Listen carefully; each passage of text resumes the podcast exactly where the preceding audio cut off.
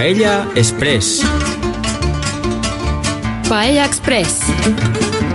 saadet toetab Hispaania kuningriigi suursaatkond Eestis. tere tulemast kuulama saadet Paia Ekspress. kuna tänases saates räägime ajaloost, siis saate meeskond tervitab teid vanuselises järjekorras. tere, mina olen Anneli Tarto. tere, mina olen Maria Ferreiro Lopez. tere, mina olen Hector. kuule, Hektor, vanuse järgi pidime sõna saama, seega sina oled viimane. Ei jah, see oli Kairi Willemsoni kommentaar ja mina, Hector Alciner Rodriguez, olen kõige vanem. nagu öeldud sai, räägime täna ajaloost, täpsemalt Hispaania ja Kataloonia lähiajaloost. kuulame laule ja õpime paar sõna ühes varasemas saates rääkisime Hispaania ajaloost ja jõudsime üheksateistkümnenda sajandi ajaloo lävele. Täna lähme sealt edasi ja edasi läheme Paella Ekspressi rongiga, mis viib meid läbi Hispaania erinevate paikade ja kogemuste. rong võiks meid alustuseks Zaragozzasse viia. Zaragoza on Aragoonia linn Ebro jõe kallastel. linn, mis on tuntud näiteks Pilari katedraali poolest ja kus elab peaaegu miljon inimest. rongi käivitamiseks aga kuulame laulu Cuentame, jutusta mulle, mida esitab Los Brincos. era cuando despido.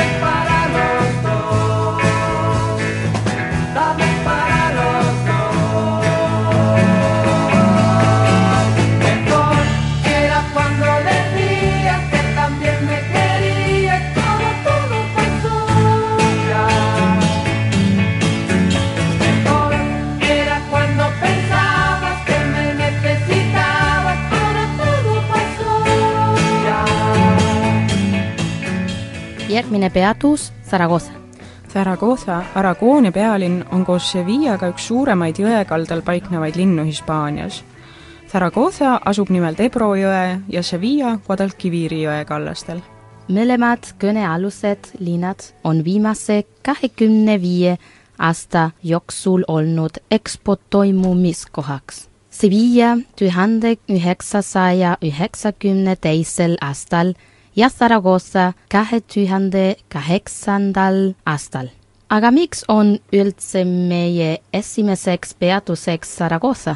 Zaragozza oli vapruse ja võitluse ehe näide kahesaja aasta tagusest ajast Hispaania iseseisvussõjas ehk Prantsuse sõjas.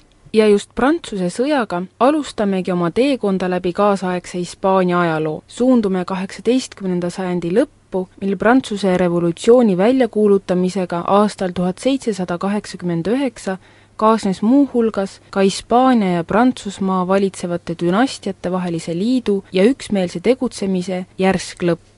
Napoleoni-aegsed ideed ja Prantsuse revolutsiooni lapsed ei sobinud kuningas Carlos neljanda absolutismiga kuidagi kokku. sellele vaatamata otsustas Bourboonide dünastia sõlmida liidusuhted esialgu direktooriumiaegse Prantsusmaa ning seejärel ka Napoleoniga. See tähendas ühtlasi sõtta astumist Inglismaa ja Portugaliga ning järgnenud nõrgenemist, milleni see kõik viis lüüasaamine Trafalgari merelahingus tuhande kaheksasaja viiendal aastal oli üks neid otsustavaid sündmusi, mille tagajärjel jäi Hispaania üheksateistkümnenda sajandi teise aastakümne jooksul ilma suuremast osast oma kolooniatest Ameerikas. ja tasub meeles pidada, et Bourbonide dünastia sisevõitlused Hispaanias muutsid riigi õrnavõitu olukorra veelgi kehvemaks. Fernando Seitsmes, Carlos neljanda poeg, tõusis võimule pärast seda, kui ta isa troonilt lahti oli öelnud, ent varsti naasis Carlos neljas nõudmisega trooni jälle enda valdusesse saada. tegemist oli keeruliste aegadega, mil rahvast hakkasid piinama näljahäda ning üldine viletsus, kuna ka Napoleoni vaid olid juba Hispaania aladele tunginud. seda tehti ettekäändega jõuda välja Portugali ja jätta Inglismaa majandusliku isolatsiooni. kuulsa kontinentaalblokaadiga püüdis Napoleon Inglismaad majanduslikult nõrgestada. üheks selle keeruka ja pretentioonika plaani raskematest ülesannetest oli kõigi Atlandi ookeani rannikualade kontrollimine Euroopas ning Portugal kui inglaste liitlane oli Napoleoni peamine sihtmärk Prantsuse väed sisenesid Hispaaniasse ja selle asemel, et liikuda edasi Portugali suunas, seadsid end hoopis territooriumile püsivalt sisse. Napoleon kroonis oma venna Joosep Bonaparte'i Hispaania uueks kuningaks, lõi uue põhiseaduse ja hoidis Lõuna-Prantsusmaal vangistuses Fernando Seitsmendat ja tema isa Carlos Neljandat. Hispaania juhtivorganid leppisid uue olukorraga ja osa sõjaväest ei avaldanud samuti mingit vastumeelsust ent sojalises konfliktis, mida tunneme iseseisvussooja või Prantsuse soojana, mängis suurt rolli rahvas. rahvas tõusis üles ja võidles.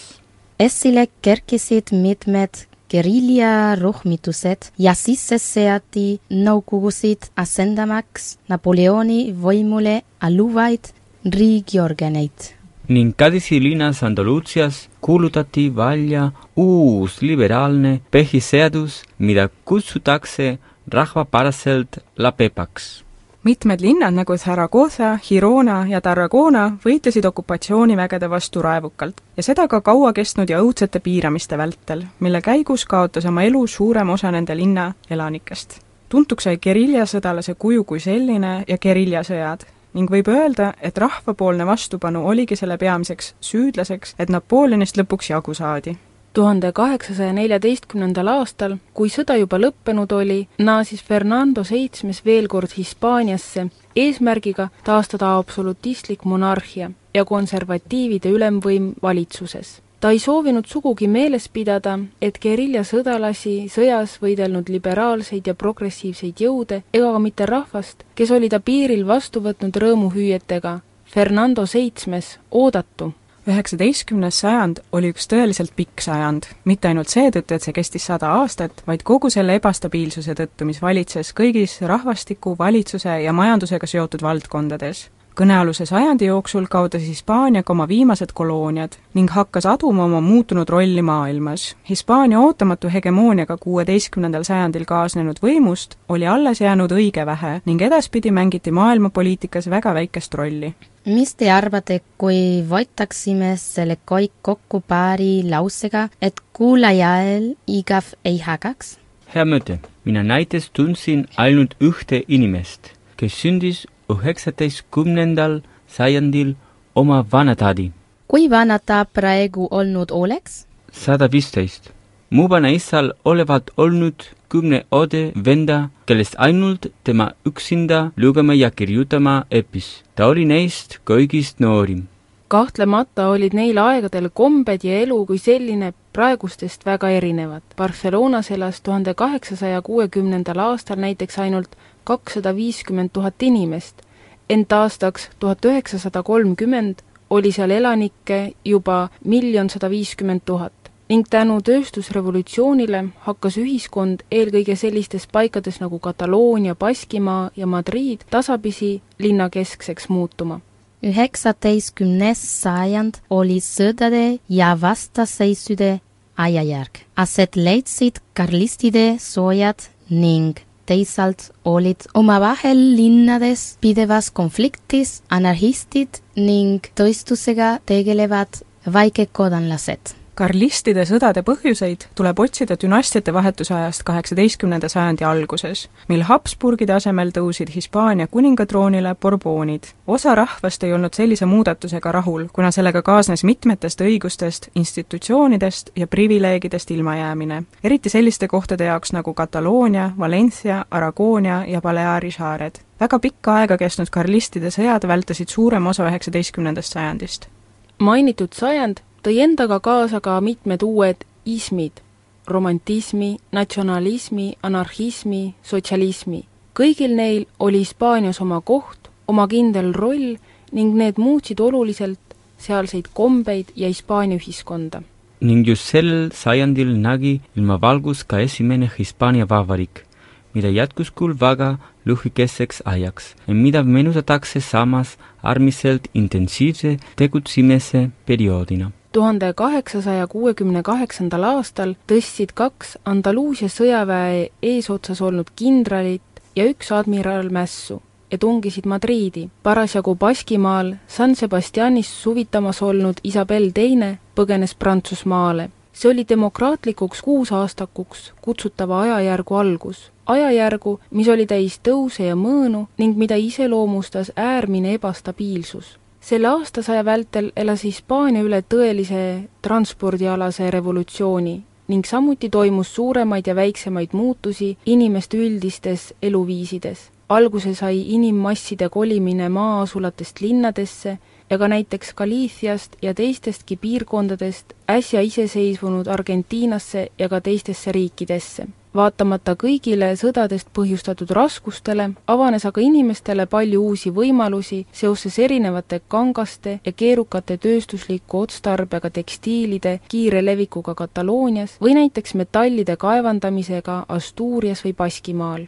sajandi keskel oli isegi aeg, mida kutsuti kullapalaviku ajastuks. harrastama hakati ka kaasaegseid spordialasid eesotsas jalgpalliga üheksateistkümnes sajand tõi endaga tõesti kaasa väga palju muutusi, millest kõigil peatumiseks meil aega kahjuks napib. poliitika osas tasub kindlasti veel välja tuua kahe võimusuuna pidev vaheldumine valitsuses. kordamööda olid võimul konservatiivid ja liberaalid. kohati ei olnud nende tegutsemislaadid üksteisest isegi eriti erinevad, ent tegemist oli jõududega, kes omavahel riigis võimu jagasid. kuningaisik ja monarhia olid jätkuvalt tähtsal kohal välja arvatud enne mainitud demokraatliku kuusaastaku vältel. samuti hakati teadvustama suurt vahet, mis lahutas tavalist maatöölist ja sündivat proletariaati, maaomanikke ja tööstusega tegelevaid väikekodanlasi. unustada ei tohi ka tärganud rahvuslikku liikumist, mis taaselustas teatud piirkondades neis kaheksateistkümnendal sajandil aset leidnud Bourboonide dünastia võimuletulekust saadik tugevalt maha surutud olnud keeled, kultuurid ja kombed sellisteks piirkondadeks olid Kataloonia, Baskimaa ja vähemal määral ka Galiitsia. mis te arvate, kui kuulaksime vahepeal õige ühte laulu, et meil rõõmsamaks muutuks? mulle meeldiks kuulata midagi rutmikat, mõnusat Kuuba pärast. nii teemegi. kuulame Macaco nimelise bändi versiooni Kuuba klassikasse kuuluvast laulust Chan Chan ning seejärel rändamegi edasi Kuubale, saarele, mis oli Hispaania viimane asumaa ja mille üle valitsemisõiguse säilitamise soov oli ühtlasi Ühendriikidega maha peetud sõja põhjuseks.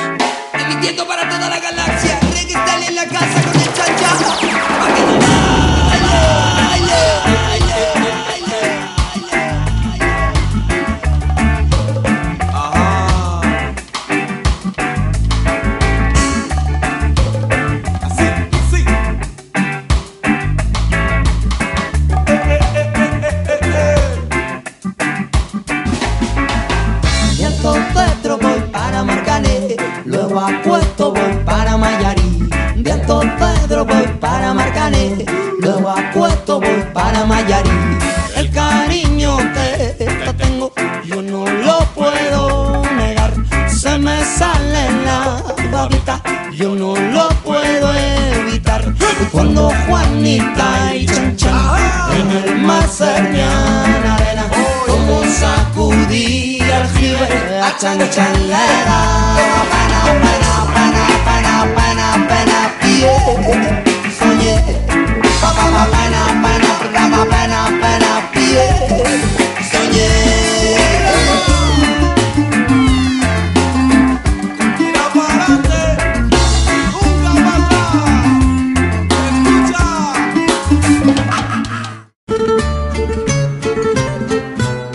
Paella Express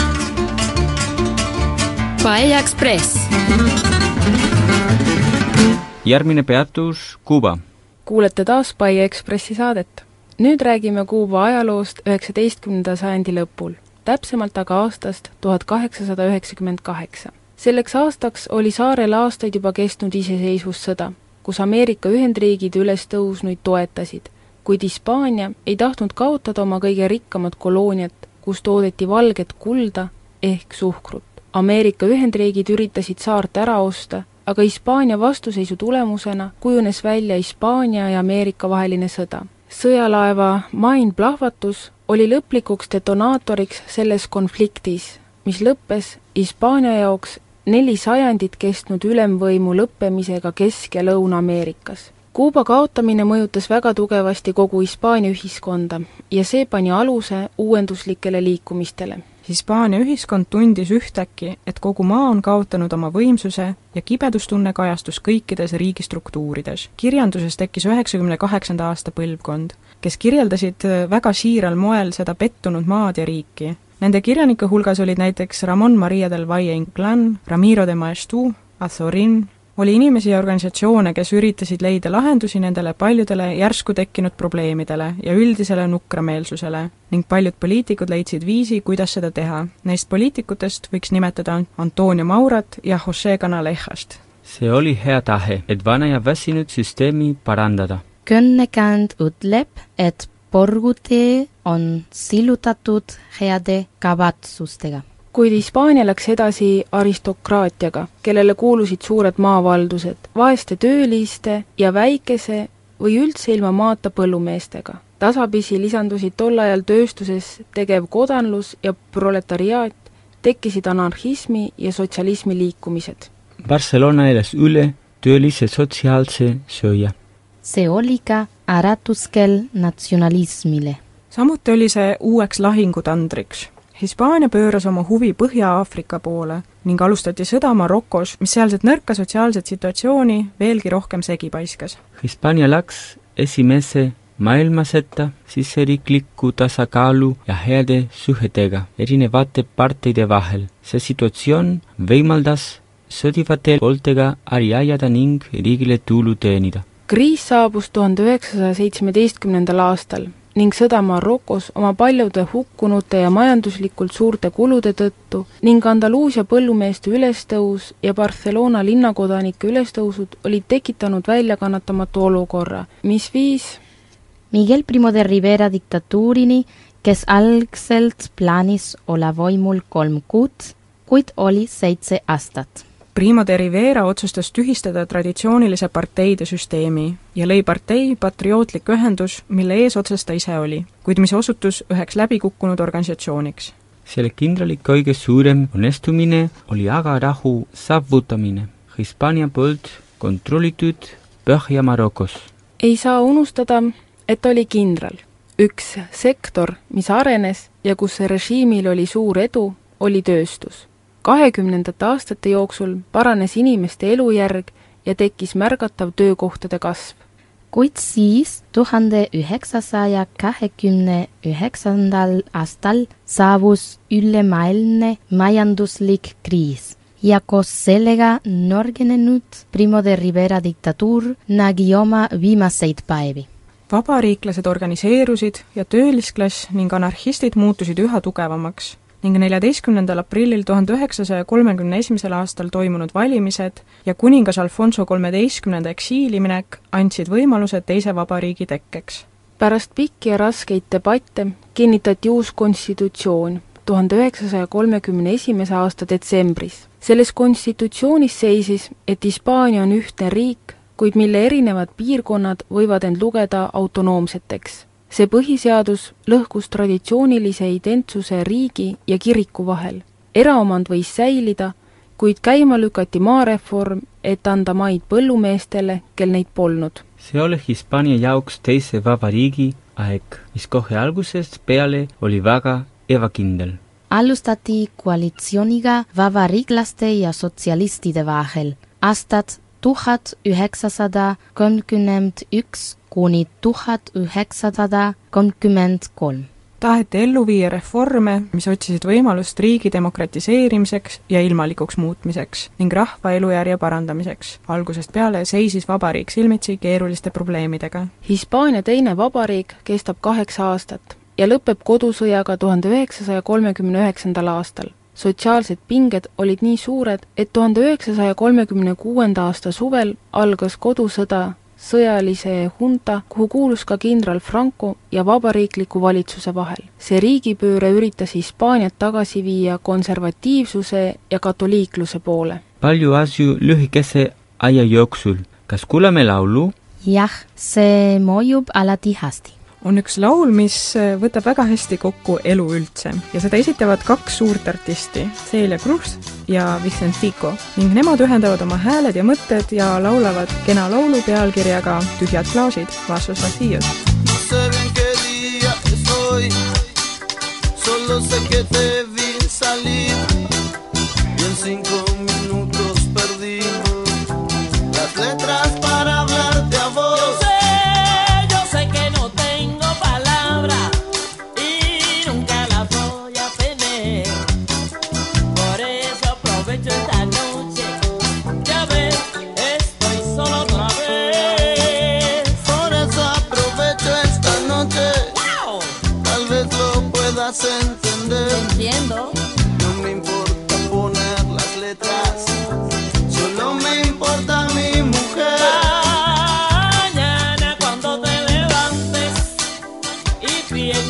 lo que dije ayer. Ay viejo, en este juego a mí siempre me toca perder.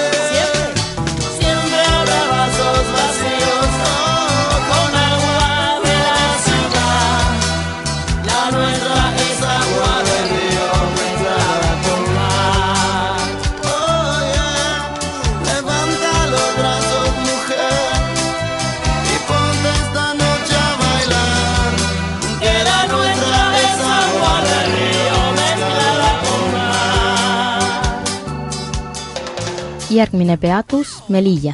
kohalikud ütlevad Mlilja. selles Hispaania autonoomses linnas, mis asub Põhja-Aafrikas, sai alguse sõjaväeline ülestõus, mis viis kodusõjani. Melillas sai Hispaania kuningriigi osa tuhande neljasaja üheksakümne seitsmendal aastal.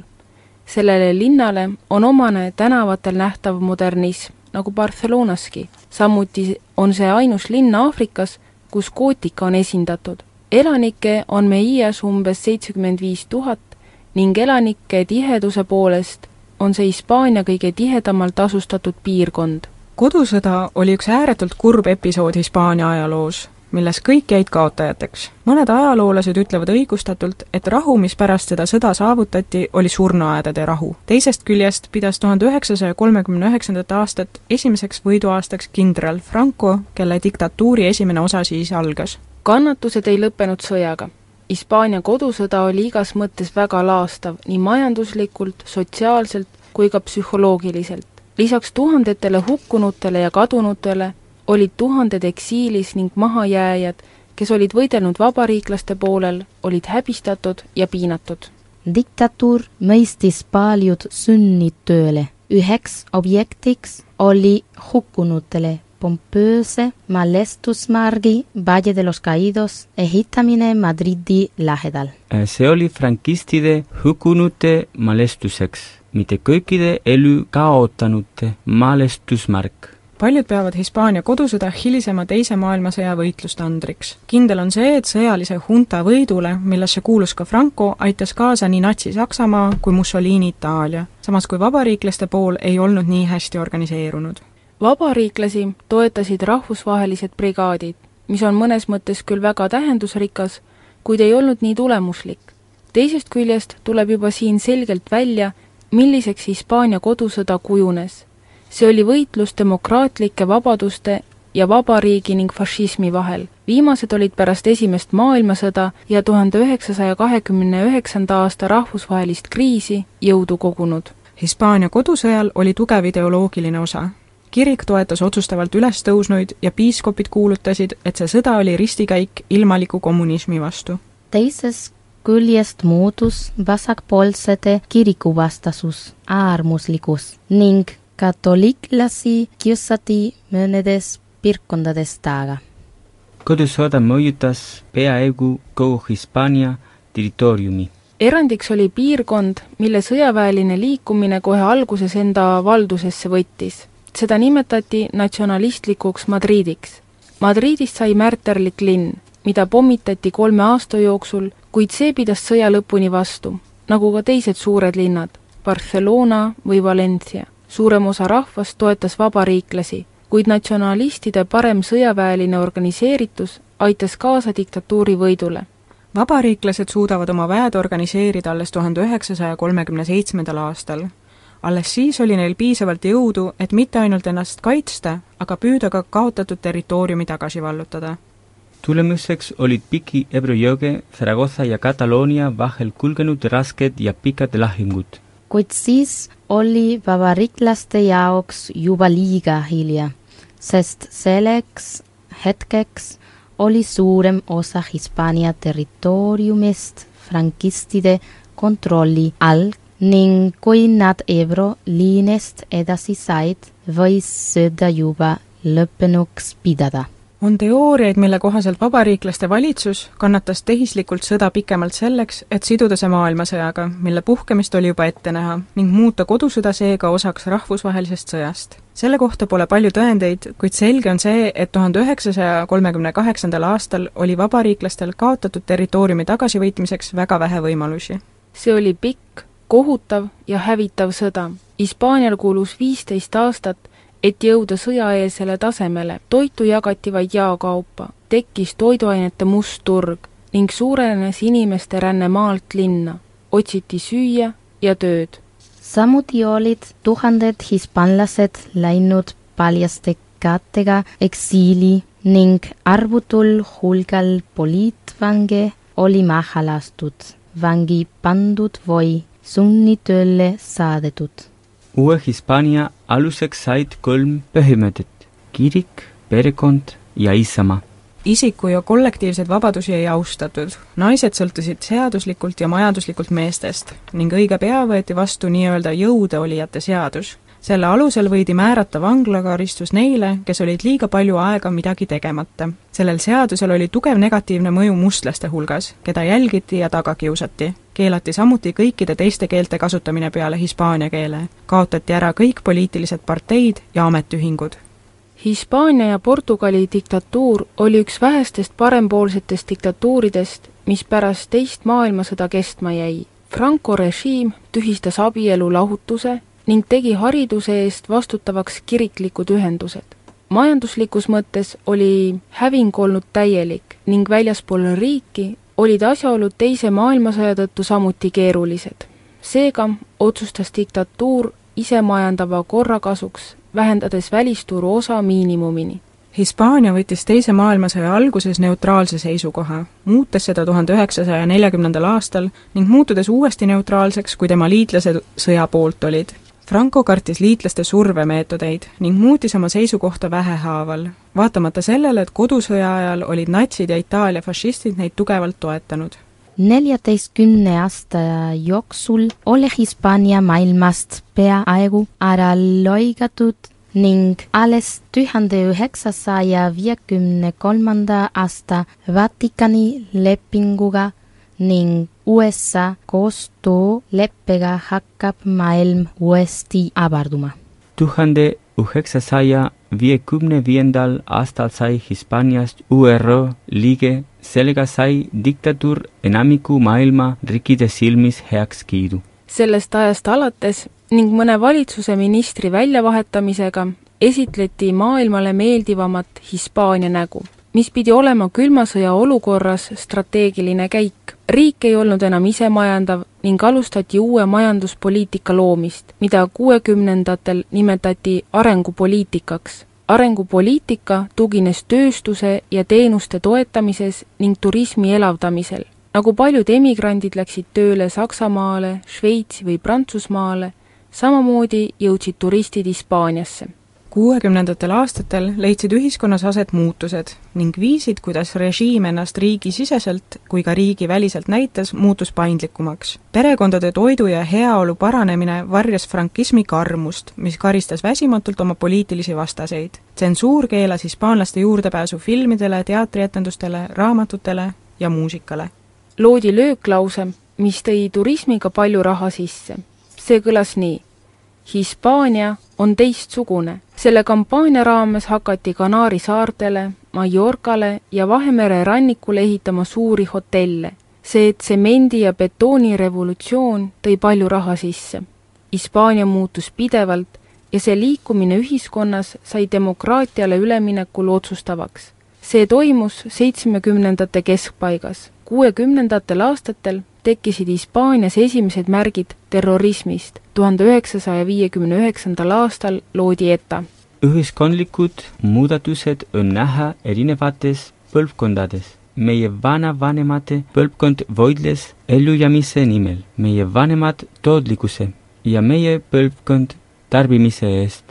tavaliselt me ei mõtle sellele, aga tegelikult on lühikese aja jooksul toimunud väga suured muudatused.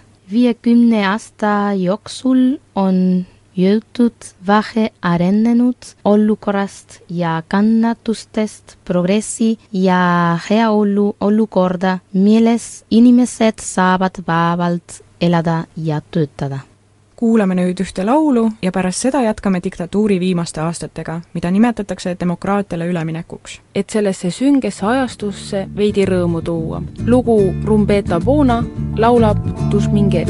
Como dice el hermano Bedoya, quítate la venda ya, que los tiempos de la rumba te dicen escucha y piensa.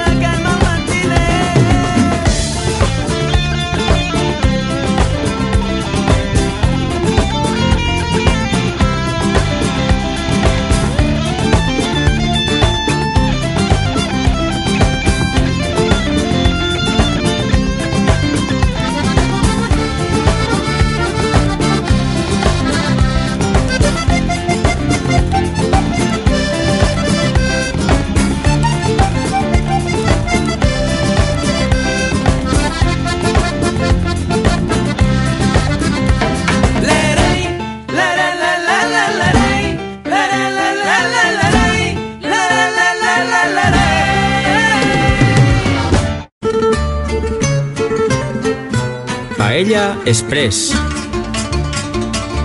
Paella Express.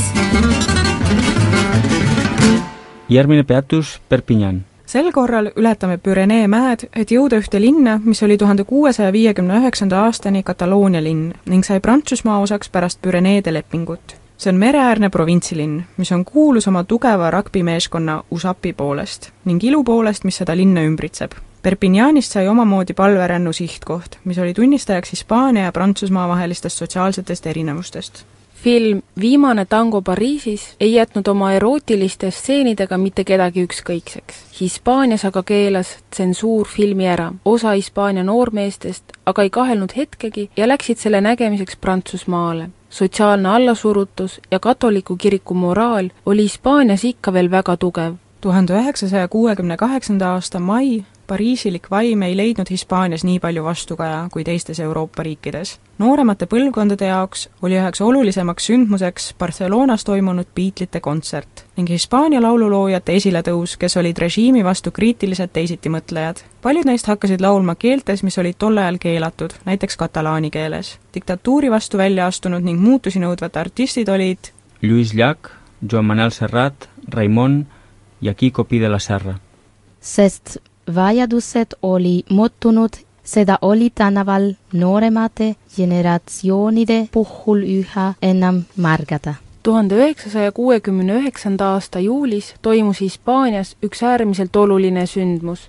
Franco määras oma mantlipärijaks Don Juan Carlose ja uskus, et tulevane kuningas jätkab diktatuuriga. nii see aga ei läinud. Hispaanias oli tekkinud uus keskklass edasipüüdlike ideedega, kes ei näinud frankismis mitte mingisugust väljendus- ja edasimineku võimalust. samuti nagu mees, kes seda juhtis, jäi ka diktatuur üha vanemaks ja hädisemaks seitsmekümnendate esimesed aastad olid juba lõpu alguseks. Franco ideoloogilise mantlipärija ja parema käe Carrero Blanco mõrv ETA terroristide poolt andis režiimile tugeva hoobi. tuhande üheksasaja seitsmekümne neljanda aasta aprillis toimus Portugalis rahumeelne nelkide revolutsioon, mille käigus otsustasid madalama astme sõjaväelased avada ukse demokraatiale. Hispaania ei järginud seda eeskuju, kuid väike osa sõjaväelastest ühines salajase demokraatliku organisatsiooniga Union, mis mõjus juhtidele häiresignaalina lõpuks peres rasked terviseseisundid, milles Hispaania rahvast ei informeeritud, Franco suri. see juhtus tuhande üheksasaja seitsmekümne viiendal aastal ning Frankol ei olnud selget mantlipärijat. diktatuur elas kauem kui selle looja ning Hispaania astus ajastusse, mida nimetatakse üleminekuajaks. See on väga õrn aeg, millest saadi üle ainult tänu rahva vabaduse janule.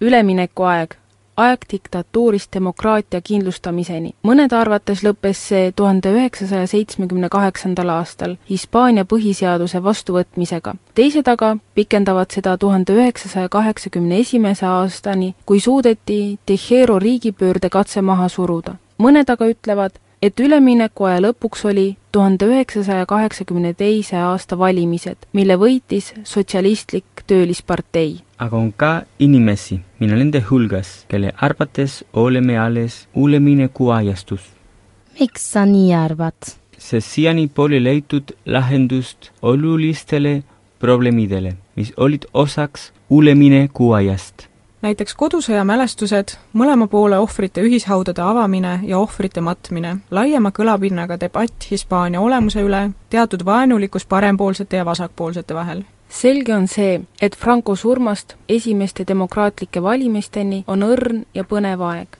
Millegi uue alustamise positiivsed pooled võtavad kokku Moncloa lepingud, see on Hispaania demokraatia nurgakivi ja suurim kokkulepe, milleni kõik parteid on nende kolmekümne viie demokraatia aasta jooksul jõudnud. kaheksakümnendad aastad on nooruse ja vabaduse aeg.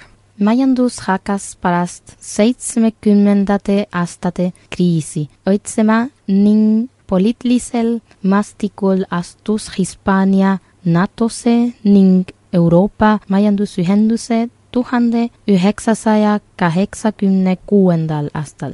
vabadused jõudsid ka teiste keelteni, näiteks galeegi, baski ja katalaani keel ning neil tekkis demokraatlik esindatus rahvuslike parteide näol. kinnitati abielu lahutamise õigus, sõna- ja meediavabadus. Hispaaniast sai avatud riik, mida tunnistasid ka Prantsuse, Inglise, Rootsi, Saksa turistid, kes olid hakanud Hispaanias käima alates kuuekümnendatest aastatest tuhande üheksasaja kaheksakümne kuuendat aastat peetakse migratsiooni murdeaastaks. selle aastani olid paljud hispaanlased läinud teistesse riikidesse tööle. nüüd aga hakkas rohkem inimesi Hispaaniasse tulema, mille kuvand oli üheksakümnendateks aastateks muutunud palju meeldivamaks. Hispaania lähiajaloo reis hakkab sellega lõpule jõudma, jäänud on meie päevasõna. Nagu ajaloos, nii ka tänapäeval loovad riigid omavahelisi sidemeid ikka inimeste kaudu ja nende abil võib-olla meie tänase päeva sõnaks võikski olla inimesed, hispaania keeles gente. Galegi keeles on gente. Katalaani keeles on gen. ja baski keeles, Hektor? Baski keeles on gente.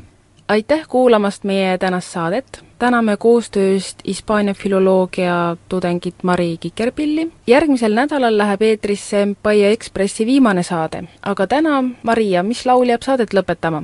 täna võiksime kuulata ühe laulu, kus hispaania ja inglise keel seguneb. seda kutsutakse Spanglish. kuulame Mehhiko bandi Molotov ja nende laulu Frijolero. selle lauluga ületame ebatolerantsuse, moitsmatuse ja rassismi piirid. Adios! tšau, tšau! Kuulmiseni!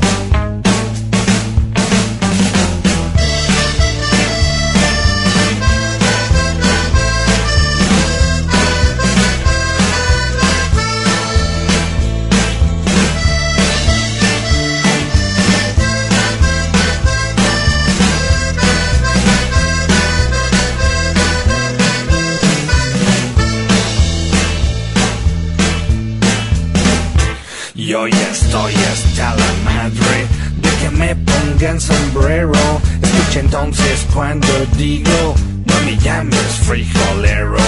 Ya que exista algún respeto, no metamos las narices. No que inflamos la moneda, haciendo guerra a otros países. Te pagamos con petróleo o intereses nuestra deuda. Mientras tanto no sabemos que se queda con la feria a que nos hagan la fama de que somos vendedores de la droga que sembramos.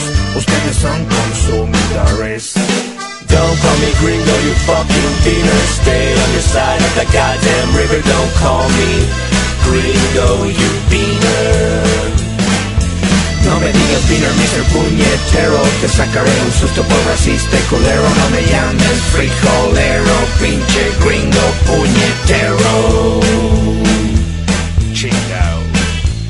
Now I wish I had a dime for every single time I've gotten stared down for being in the wrong side of town. In a rich man I'd be if I had that kind of chips. Lately I wanna smack the mouths of these racists. Podrás imaginarte desde afuera, ser un mexicano cruzando la frontera, pensando tu familia mientras que pasas, dejando todo lo que tú conoces atrás. Tuvieras tú que esquivar las balas de unos cuantos gringos rancheros, le seguirás diciendo good for nothing wetback si tuvieras tú que empezar de cero. Now why don't you look down on where your feet is planted That US soil that makes you take shit for granted. If not for Santa Ana, just to let you know That where your feet are planted would be Mexico. Correcto Don't call me gringo, you fucking beaner Stay on your side of the goddamn river. Don't call me gringo, you beaner No me digas beaner, Mr. Puñetero Te sacaré un susto por racista y culero No me llames frijolero Pinche gringo puñetero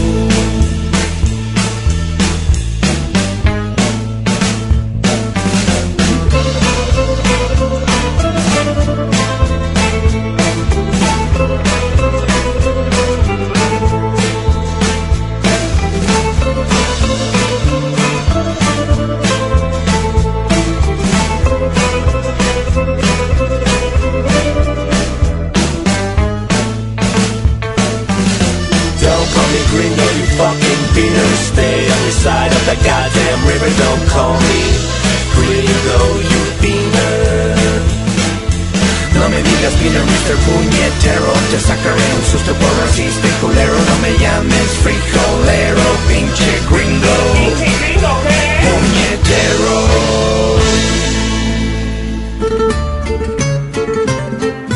Paella Express.